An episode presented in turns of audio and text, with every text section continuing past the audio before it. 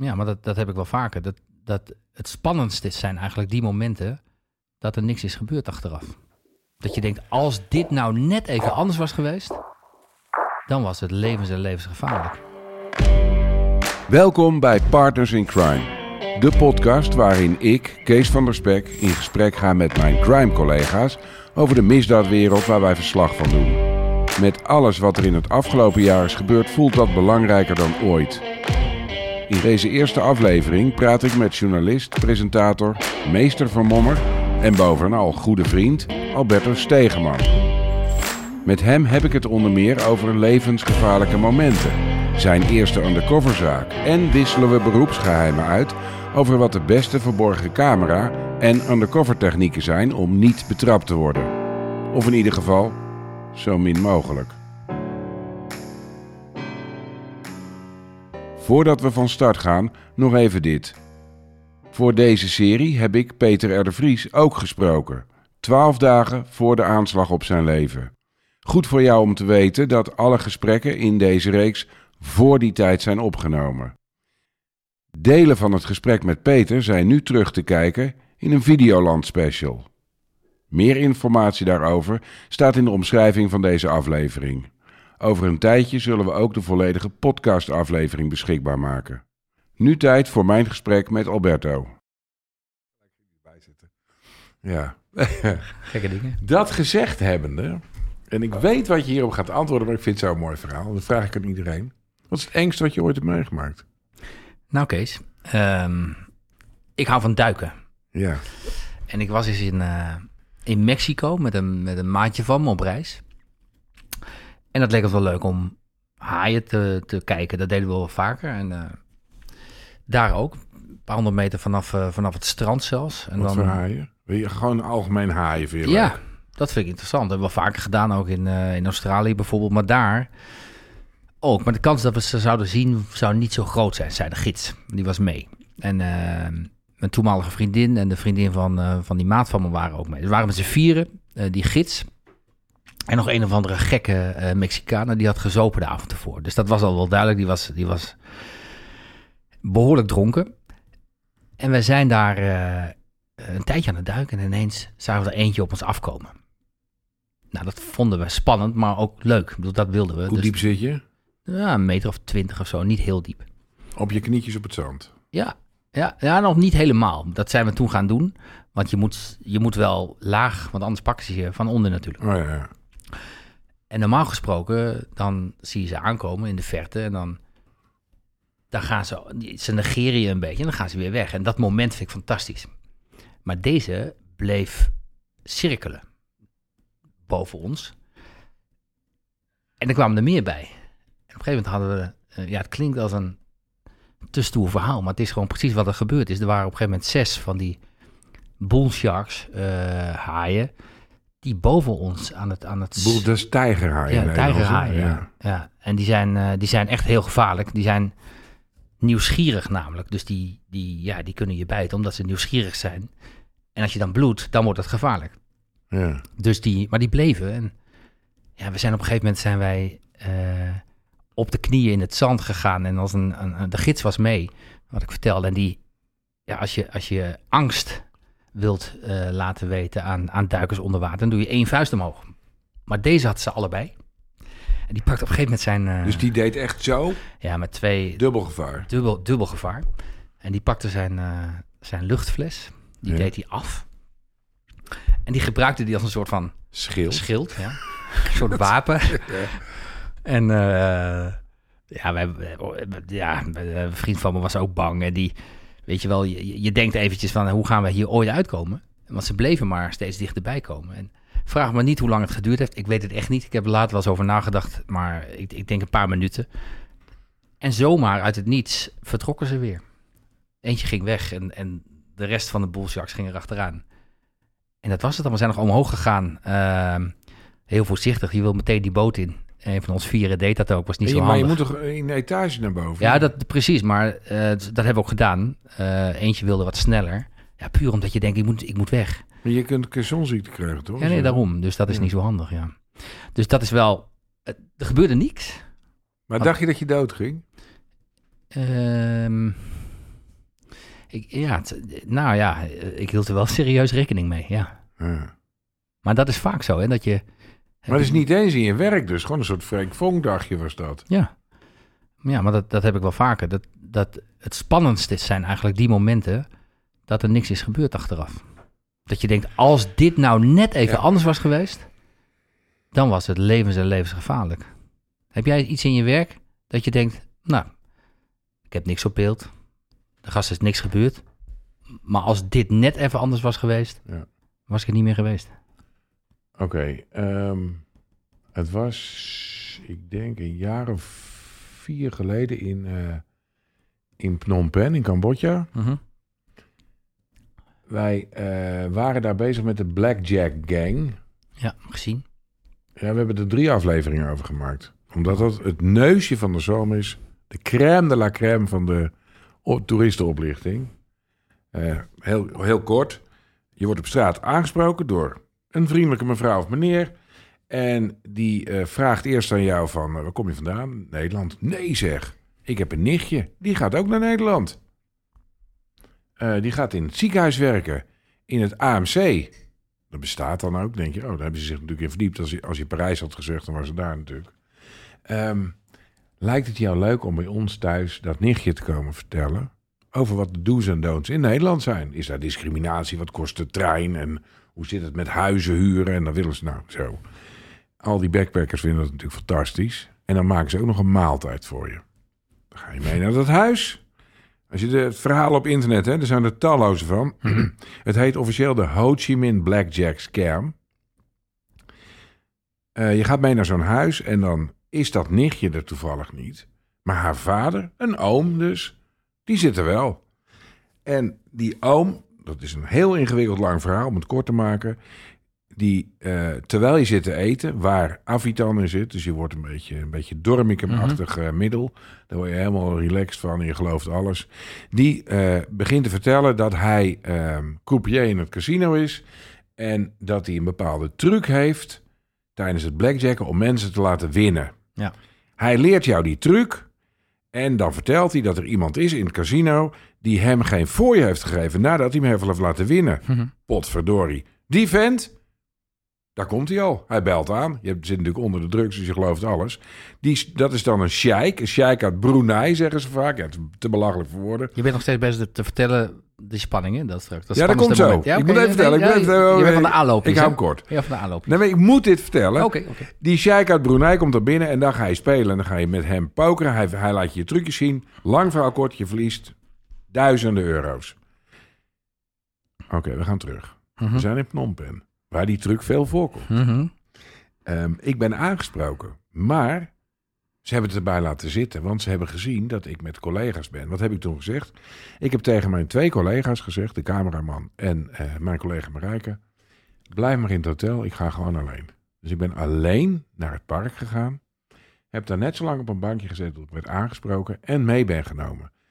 Dan word je dus meegenomen in een wildvreemde stad, in een tuk-tuk, een stukje taxi, een stukje lopen. Heb je dan ook geen... eh, Find My iPhone aangezet. ja? Wel, oké. Maar ik keek een paar keer, geen 4G. Nee, oh ja. Dus helemaal kut. Dus je zit ergens in een buitenwijk in Phnom Penh en je gaat mee naar binnen, een woning in. Uiterst vriendelijke mensen, maar achter je doen ze wel de deur op slot. Dat hoor je. Mhm. Trap omhoog, van die dievenijzers overal, hekken. Tweede verdieping wonen ze, weer de deur op slot. En dan gaan ze zitten en dan krijg je een maaltijd. En dan zie je gewoon, die hele familie zit er. Het ontvouwt zich helemaal. Nichtje is er niet, de oom wel. Ja. Die begint met je te lullen. En er, wordt, er staat een grote eh, eh, schaal eten op tafel. Want van tevoren natuurlijk allemaal gebeld, we komen eraan, zit het klaar. En jij krijgt gewoon, ik krijg ook letterlijk een apart schaaltje. Ja, dat is eng.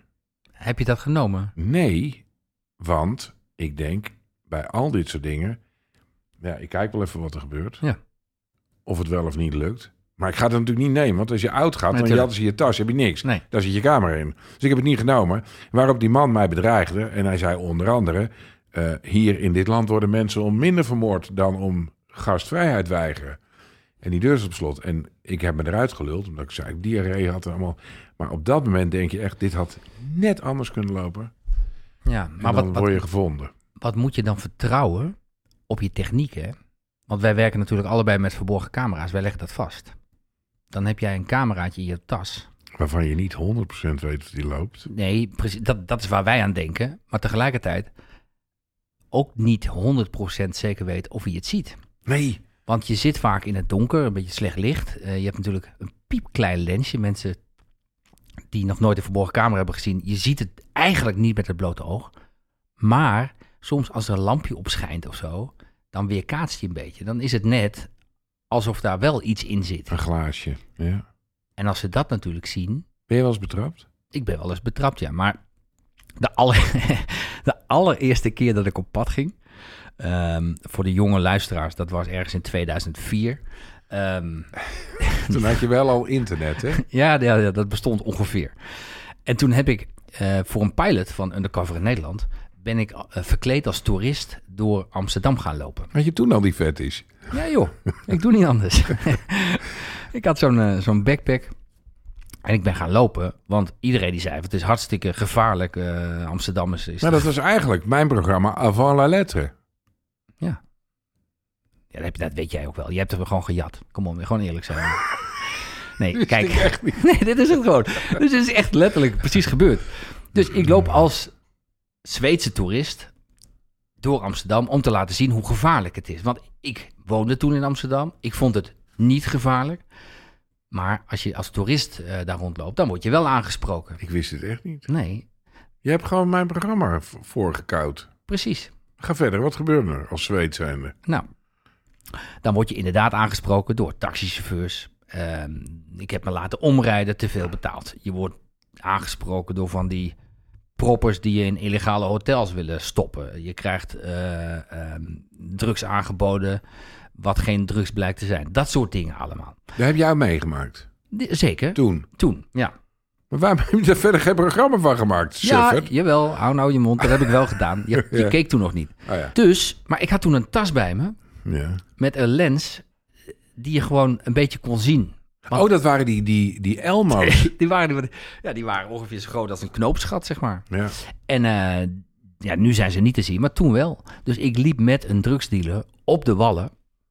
Ehm, echt grootste fout ever. Ik liep dus twee dagen met diezelfde backpack door Amsterdam heen. Dus die gasten, die praten met elkaar, die hebben mij daar gezien. Dat kan niet anders. Maar ik loop met die drugsdealer op de wallen. En toen kwam er een man langs en die zei... "Psst, je wordt gefilmd. En die gast die kijkt, die kijkt nog eens, die kijkt naar mijn tas. En ik, no, no, no, no, no. En die kijkt nog eens. En toen zag hij hem. Dus toen werd hij, toen werd hij kwaad. En nou ja, er kwamen eh, een paar gasten uit alle hoeken. En toen heb ik mijn eh, eh, sportschoenen had ik aan. Toen dacht ik, ja, ik ga maar gewoon eens kijken of ik weg kan komen. Eerst rustig lopen, alsof er niks aan de hand is. En toen was ik net uit het zicht om het hoekje. Rennen. En toen ben ik gaan rennen, ja. Maar hij is niet achter je aangekomen, of wel? Ja, wel, maar ik was toen nog sneller. dus en dat was het. En eh, dat was de pilot. En die heb ik toen laten zien aan, eh aan SBSS-leiding. En wat vonden ze daarvan toen? maak maar een programma. Succes. Maar waarom ben je toen geen toeristenoplichting in heel eh, Europa gaan doen? Of weet ik veel wat?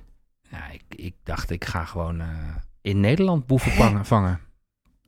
Maar ik, dus we hebben op, jij hebt op het punt gestaan om mijn hele carrière te verknallen. Dus. Preventief. Nee, ja, kijk, nee, voor mij was dat niet een programma. Ik dacht, ik ga gewoon dit doen en ik ga daarnaast ga ik in de wapenhandel en de drugshandel en, en andere Ja, bij jou was het undercover het, het, het selling point. En bij mij was het, wat gebeurt er als toerist in de hele wereld de selling Ja. point. Ja. Ja, maar jij hebt toch ook eens een keer in Nederland geprobeerd dit te doen? ja. Je hebt geprobeerd mijn carrière Ja, te verwoesten, Kees. Ik heb een keer gesminkt als... eh, ehm, oh, ook het soort van Alberto-actie. Ik ben gesminkt, want ik was toen al enigszins bekend. Dat was denk ik het derde jaar dat ik oplichters in het buitenland deed. En toen ben ik door Amsterdam gaan lopen. Want ik denk, ja, moet ook maar een keer in Nederland. Ja. Het was ook een stuk goedkoper. Hoefde al die tickets en zo niet. Ik kon gewoon thuis slapen. Ja. Dus ik ga gewoon door Amsterdam lopen. En toen hoorde Marijke, die achter mij liep... die hoorde daar er binnen drie minuten vijf mensen zeggen... hé hey joh, dat is die gast van oplichters in het buitenland met die grote neus. en dat was nog voordat mijn neus geopereerd was. Dus had ik nog een grote neus. Vind je mooi geworden of niet?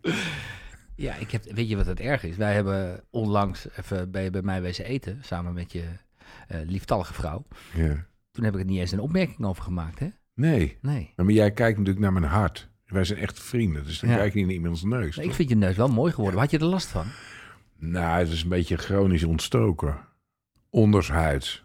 Dus ja. Maar nu heb je hem ook kleiner laten maken. Nee, is gewoon Oh. die, dat die ontsteking is eraf. Oh, zo, oké. Ja, maar Maar ja, Boeien. doet het ertoe. boeien. Ja, precies. Maar ik ben ook wel eens betrapt met, eh, door die camera in Parijs. Met dat, de eerste keer dat ik daar was met balletje balletje. Toen zei er iemand, eh, die, die staan op de hoeken bij de Eiffeltoren, staan van die bazen. Te kijken Ja. of de politie eraan komt. En ik wilde dat systeempje blootleggen. Dus ik sta op een gegeven moment zo'n baas en die zei... eh, ik ben Albanese maffia en ik zie dat jij mij stiekem filmt met die tas. Ja. Dat is niet verstandig. Maar nu gebruik jij ook... Maar dat heb ik je ook nog nooit gevraagd. Maar jij gebruikt altijd diezelfde tas. Je hebt zo'n bruine heb tas met zo'n heb donkerbruin ding Ik heb een eromheen. nieuwe. Ik heb een nieuwe. Heb je een nieuwe? Ik heb de meest briljante tas ooit zelf bedacht hoe die moet. Maar goed, ga verder. Nee, ik, nee, ik ben praat Nee, door. eerst, eerst, die ta altijd dezelfde tas. Ja, dit- dat vroeg ik mij dus af. Ik kijk iedere keer naar diezelfde tas. ja, die heeft Bram, Bram Krikker van me gehad inmiddels. Oké. Die is helemaal uit elkaar gevallen. Maar ik ga natuurlijk steeds in een ander land. In Cambodja weten ze natuurlijk niet met wat voor tas ik in Venezuela liep. Dat weten ze niet. Nee, maar je zei net dat je drie keer in Cambodja was geweest, toch? Nee, bij de... Nee, ik ben niet drie keer in Cambodja. Oh, je hebt drie keer dat, dat, dat gedaan met Ja, dat, die eh, zaak. ah, Eén keer in Cambodja, één keer in Manila, één keer eh, eh, Nee, snap ik. in Vietnam. Nee, maar dat is natuurlijk wel anders dan... eh, wij, wij maken natuurlijk voor de Nederlandse kijker televisie. En die kijken ook naar Undercover in Nederland. Die gasten die ik Maar ontmasker. die weten Dus- meteen als jij met een tas loopt of iemand loopt met een tas, Ja. wordt gefilmd. en, en zeker de tas die we gebruikt hebben. Dus wij moeten steeds weer opnieuw dingen doen. Maar ik heb ook echt een paar hele leuke nieuwe eh, gadgets. We hebben dus een soort van eh, professor Ja. bij ons programma die echt het zelf in elkaar knutselt. Wij maken die dingen zelf en dat doet hij al vanaf het allereerste begin. Oh, een soort cue.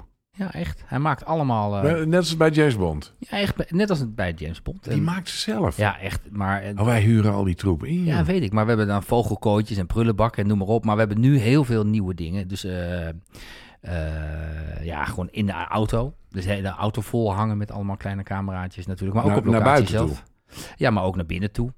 Dus eh, ik ga het niet precies vertellen waar. Maar er zijn gewoon hele handzame dingen die je altijd in een auto hebt. Nou, daar zit nu een cameraatje bijvoorbeeld in verstopt. En ehm, eh, ja, ik heb Maar, bijvoorbeeld... maar is dat voor als je jezelf filmt als je onderweg bent? Want jij hebt nooit boeven in je auto zitten, toch? Ja, nu wel, want ik ben weer voor een nieuwe serie van Montopad. En die auto die ik dan gekocht heb... Ben je als ontzettend lekker wijf, toch? Ja, klopt. Ja. Ik, maar ik heb jou die foto laten zien. Ja, dat is echt een knappe. Goed, man. Ja.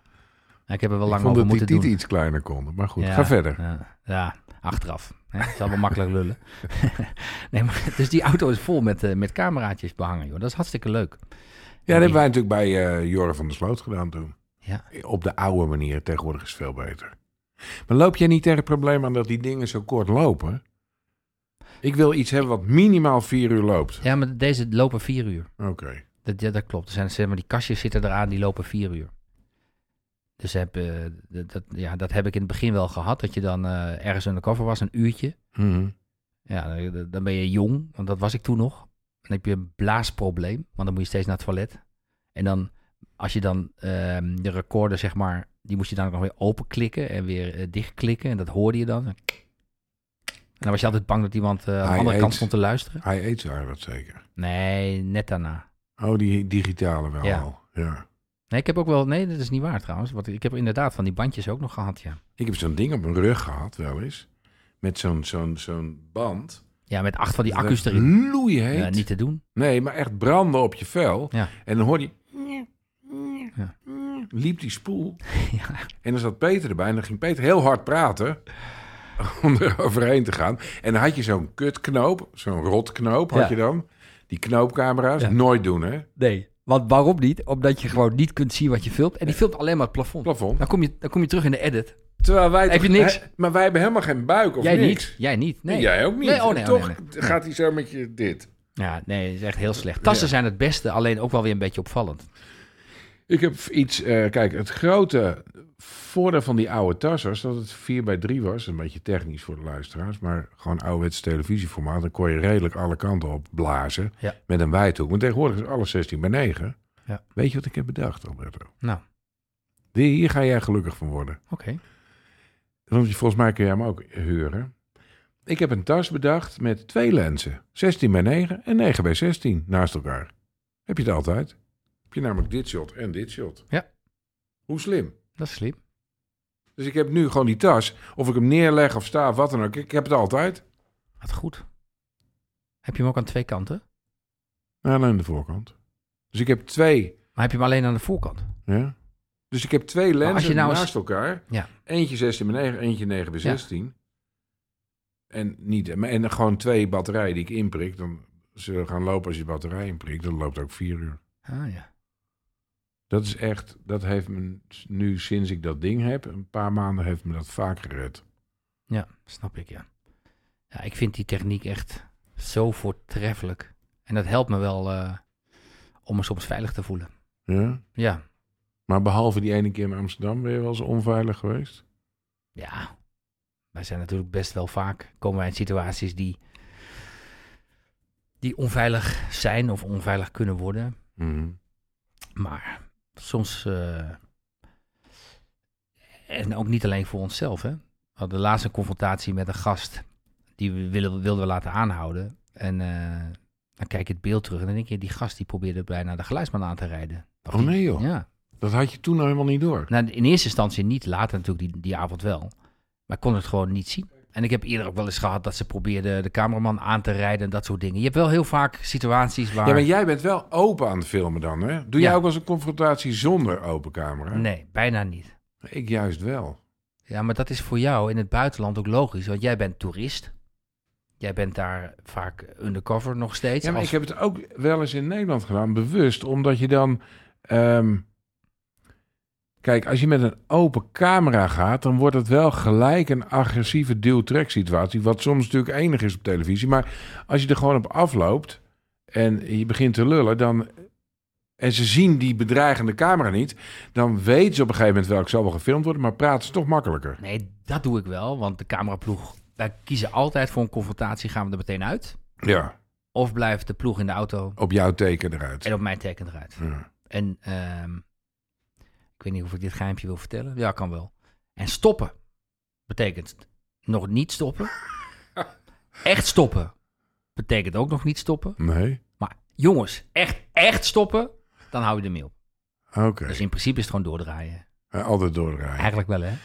Ja, schoffelen noemen wij dat ook, toch? Ja. Dus gewoon camera laag, gewoon doordraaien. Ja. Ja, ja, En de dat- verborgen camera's lopen altijd. Ja, tuurlijk. Dat is wel het voordeel van een grote camera. Die kun je gewoon uitzetten. Hij kan even wegdraaien en dan, denk, dan Ja. denken ze dat ze niet meer gefilmd worden. Maar dat heb ik in het buitenland ben ik daar wel eens bang voor. Dat heb je natuurlijk in Nederland niet zo gauw. Dat de autoriteiten je spullen in beslag nemen. Ja, dat begrijp ik wel, ja. Dat is echt niet fijn. Eh, daarom, eh, eh, Maar kun jij niet de beelden alvast naar Nederland zenden? nee joh, nee. Als je in, eh, ik heb wel eens geprobeerd, moest ik een stand-uppertje. Oh, nee. Toen moest er iets veranderd worden in een uitzending. Dan mocht er van, van de rechter moest er iets uit. Ik was toen, ik zat toen twee jaar geleden ook in Cameroen. Daar ben ik nu net weer geweest. En toen moest ik alleen een nieuw presentatietekstje tegen een witte muur in mijn hotelkamer Mhm. opnemen. Met de 5D gedraaid. Dat was 30 seconden. Heeft de hele nacht over gedaan om dat te verzenden. Ja, het internet is daar natuurlijk traag. Dat is niks. Ja. Dat is niks. Dat heeft geen Heb zin. je nooit gehad dat iemand bij de douane zei... mag ik eens even kijken in je tas? En ehm, Nee, wel, eh, kijk, je verborgen cameratas zit mij altijd gewoon in mijn koffer. Dus die verstop ik in mijn koffer als het ware. En dan doe ik dan expres, want er zitten natuurlijk rare snoertjes op die scan. Ja. Doe ik er expres nog een, ehm, een eh, verlengsnoer bij. En een dv'tje bijvoorbeeld. En je Zo. beelden dan, die moet je altijd bij hebben, toch? De, de, de beelden van het bewijs, zeg maar. Wat je allemaal hebt gefilmd. Ja, maar die hoef, ik, die hoef ik nooit te laten zien. Nee, moet, nee dat, nou ja, maar je hebt het wel bij je. Ja, die heb ik. Ik heb gewoon, een- we zetten het altijd op drie harde schijven. Ja. Maar als ze die de- in beslag willen Ja, nemen. dan ben je de lul. Dat bedoel ik. Dus we, we zetten die beelden op drie verschillende harde schijven. Eentje gaat in mijn koffer, eentje gaat in mijn collega's koffer en eentje gaat in de handbagage. Oké. Zodat we op het verdeeld hebben, als het ware. Ja. Tegenwoordig zijn die schijven steeds kleiner. En laatst hebben we een keer gehad. Toen hadden we ook die paniek. Ehm, toen hebben we één schijf daar gelaten. Die kun je daar gewoon met UPS opsturen. Ja. En Joep, die had een, eh, de cameraman van mij, die had een nieuwe telefoon. En er gingen twee chippies in. En één van die twee, dat is gewoon, dat is gewoon zo'n ding, hè? Mhm. Zo'n, zo'n, zo'n, hoe heet dat? Zo'n simkaart. Mhm. Daar kon al het ruwe materiaal op. Oh, dat is Dus je hebt gewoon in zijn telefoon geklikt. Er komt gewoon 250 gig op. Ja. Niet normaal. Maar ik heb één keer gehad, toen waren wij zo in paniek. In eh, Tunesië was dat, al vrij lang geleden. En toen heb ik... Oh, wij kwamen dat land binnen en toen werden we betrapt. Hebben we nooit gehad, alleen in Tunesië. Dus we gaan onze koffers ophalen, daar zit al die troep in. En in onze handbagage zit niet zoveel opvallends. Tegenwoordig wel batterijen, dat moet. Daar krijg ik wel gelul over. Maar ja, dan zeg ik maar, hier is de stroom valt uit... en ik heb het voor mijn telefoon nodig, weet ik veel wat. Mhm. Wij wachten op onze koffers op het Tunis vliegveld, hoofdstad. En die komen niet, die komen niet, die komen niet. Op een gegeven moment alle koffers opgehaald en wij staan daar. Er, komt, er komen twee militairen Mhm. en die komen met onze koffers aan. Oh, ja. Ik denk, shit, en er stond met krijt ook iets opgeschreven, security of zo.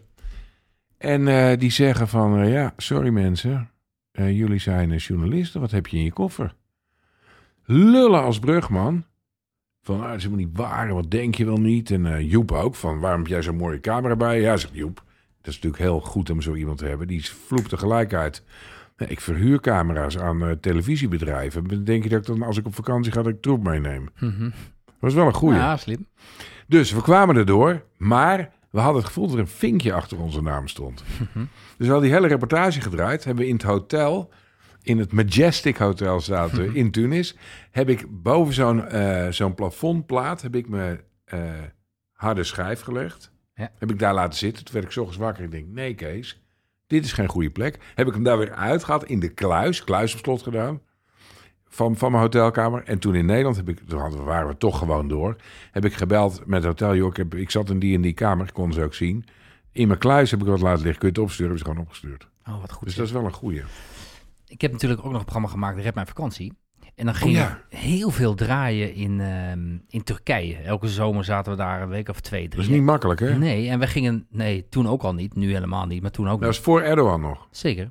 En toen hebben wij met... ehm, eh, en daar draaiden wij natuurlijk in die hotels. En dan gingen we gewoon met draaiende camera naar binnen. En dan was het bijna altijd zo dat je dan langs zo'n beveiliging liep. En die moest natuurlijk drie keer nadenken. Wat gebeurt hier? En voordat ze het wisten hadden wij die confrontatie er half op staan. Maar dan was het altijd... Maar deed je gewoon met een XD... Met een, met... Zeker, met zo'n XD-cam met van die schijven er nog in. Ja. En dan was het altijd de sport om dus precies te weten wanneer je moest stoppen. Want dan een schijf te wisselen. Altijd een pionnetje mee te hebben die dan de schijf zeg maar eh, wegdeed. En dan moest je, eh, vaak moesten wij een schijf afstaan. En dan, dan stond je de verkeerde af. En daar stond dan uiteindelijk eh, Maar heb je wel op. eens echt materiaal weg moeten geven? Nee, nog nooit. Maar het is, me, maar het is nou, misschien wel 30, 40 keer gebeurd dat wij een, een lege schijf of zo hebben afgegeven. Ook een keer gewoon een, een, een interview in een shawarma tent met een slachtoffer In Turkije.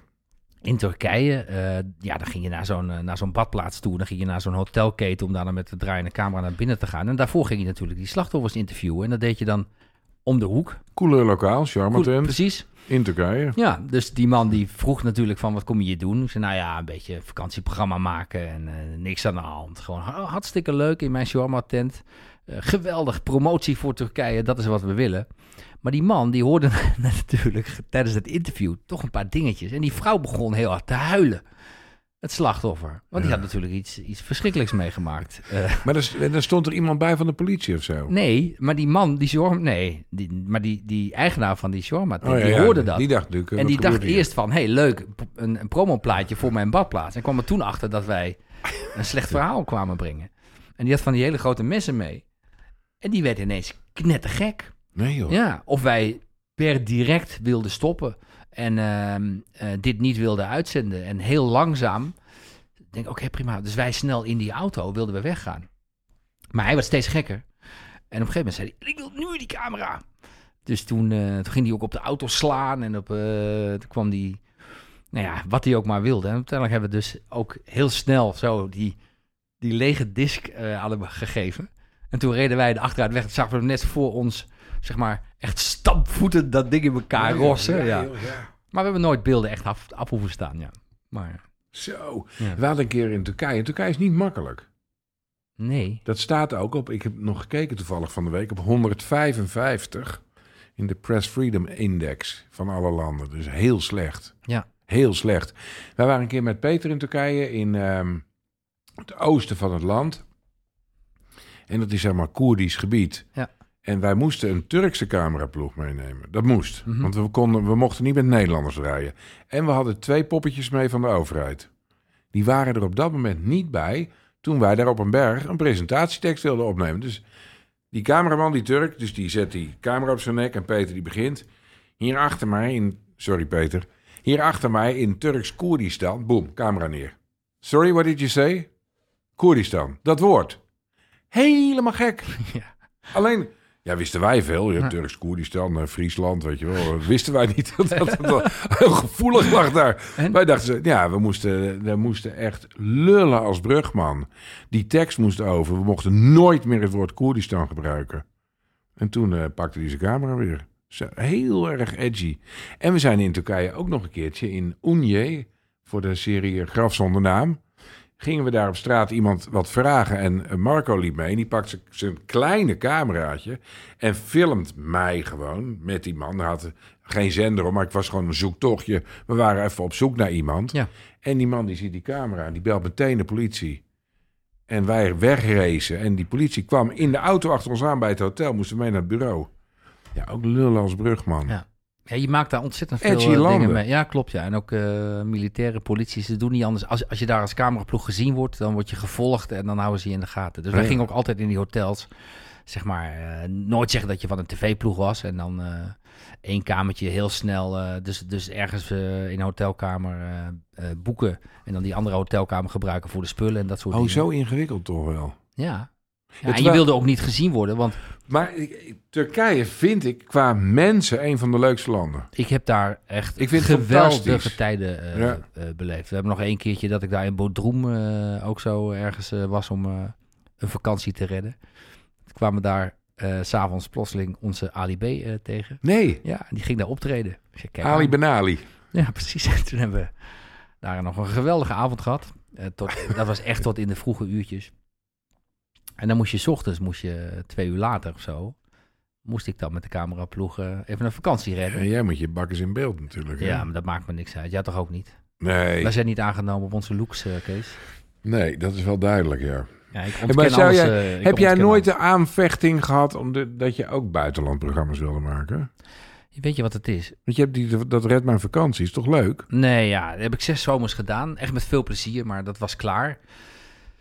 En ehm, het, eh, weet je wat het... Kijk, want, want wat ik daar leuk aan vond... was dat je dan zo'n vakantie ging redden. Dat zo'n reisorganisatie echt ehm, niet reageerde zoals ze moesten reageren. Maar wel, het was allemaal wel echt en eerlijk. Dus ze waren hartstikke boos eh, als ik kwam. En ze, Ja. ze wilden niet meewerken, want ze hadden het zogenaamd goed geregeld. Ik zei, ja luister, ik heb een mevrouw mee die in een rolstoel zit. Ze heeft een rolstoelvriendelijk eh, hotel geboekt.